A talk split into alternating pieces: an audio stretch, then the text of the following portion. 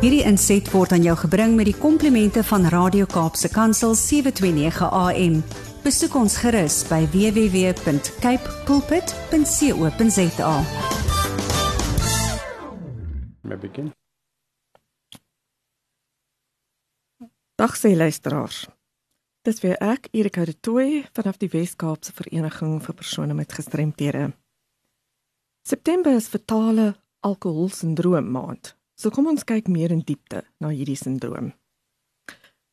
FAS is 'n term wat gegee word aan effekte op die ongebore baba wanneer die ma alkohol tydens swangerskap verbruik het. Wanneer alkohol die bloedstroom van 'n swanger vrou binnendring, word dit deur die plasentale weefsel gedra wat die baba se bloedstelsel van hare skei en die alkohol direk aan die ontwikkelende weefsels van die fetus aflewer.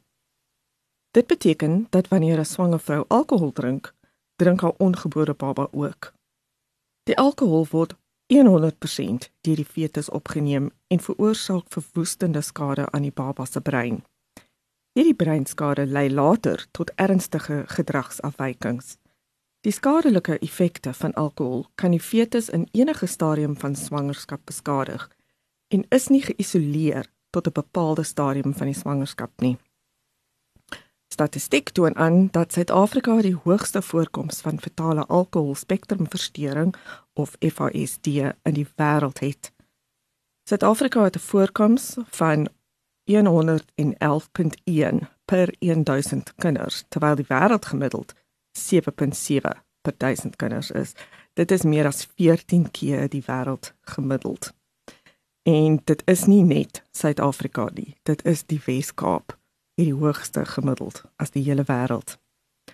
Daar is 'n aantal fisiese tekens wat groei groei vertraging en 'n kleiner as normale kopomtrek insluit, as ook orgaanskade.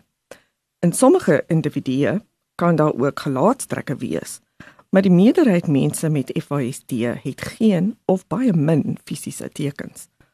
Aangesien hierdie fisiese tekens deur 'n opgeleide mediese spesialis gediagnoseer en geëvalueer moet word, is dit baie riskant om daarop alleen te fokus, want dit lei dikwels tot verkeerde diagnoses.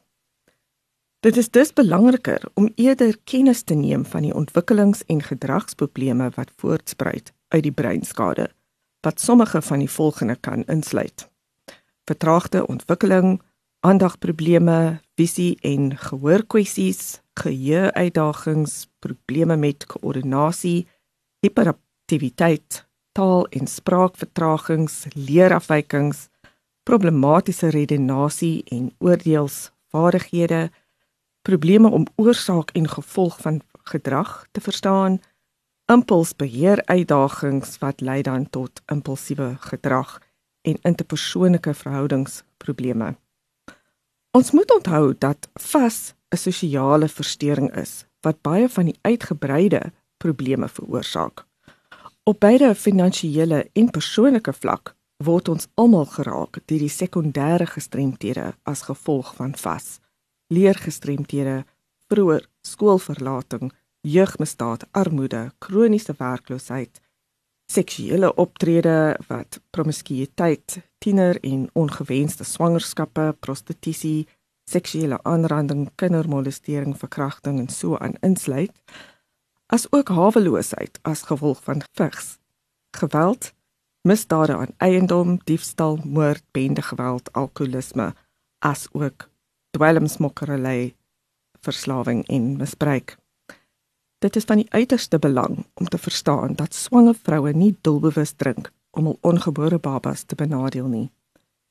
Swanger vroue wat alkohol inneem, rapporteer dikwels dat hulle dit doen in 'n poging om stres te hanteer, 'n tipe selfmedikasie, of dat hulle groepsdruk van hul lewensvernoot, selfs die vader van die ongebore baba, familielede en vriende ervaar om alkohol te drink. Sommige dui ook aan dat hulle verkeerde inligting van gesondheidspraktisyns ontvang het. Dit is dus die verantwoordelikheid van belanghebbendes, familielede en vriende om die boodskap van geen alkohol tydens swangerskap te deel en om swanger vroue binne hul gemeenskappe te ondersteun om nie alkohol te gebruik nie. Voorkoming is maklik Vroue moenie alkohol drink as hulle probeer om swanger te raak nie, om die risiko van fetale alkoholspektrumversteuring te vermy. Daar is geen bekende veilige hoeveelheid alkohol wat tydens swangerskap gebruik kan word om die risiko's te vermy nie. Selfs net een drankie kan FISD veroorsaak.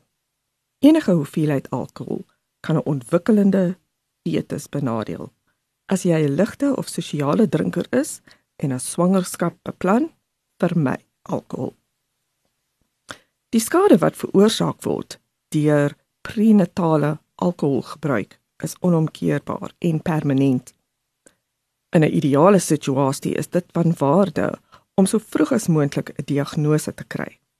Dit sal die ouers, die versorgers in staat stel om inligting en leiding by spesialiste in die veld te soek om hulle te ondersteun en te lei oor die identifisering van die uitdagings van die betrokke individu met FISD of dit nou kinders of volwassenes is en om hulle te lei oor hoe om die uitdagings te bestuur.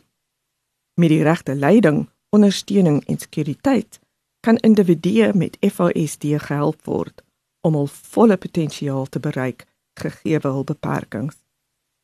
Vroeë diagnose en nuwe tegnieke van terapie, mediese behandeling, onderwys en residensiële fasiliteite kan mense met FASD in staat stel om produktiewe lewens te lei en ons land miljoene rande spaar wat eerder na ander sosiale doeleindes herlei kan word.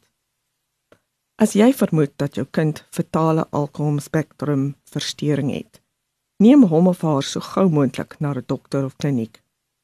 Indien die gesondheidspraktisyn jou nie kan bystaan nie, vra om verwys te word na 'n pediater of na 'n mensgenetiese kliniek by 'n distrik of provinsiale hospitaal.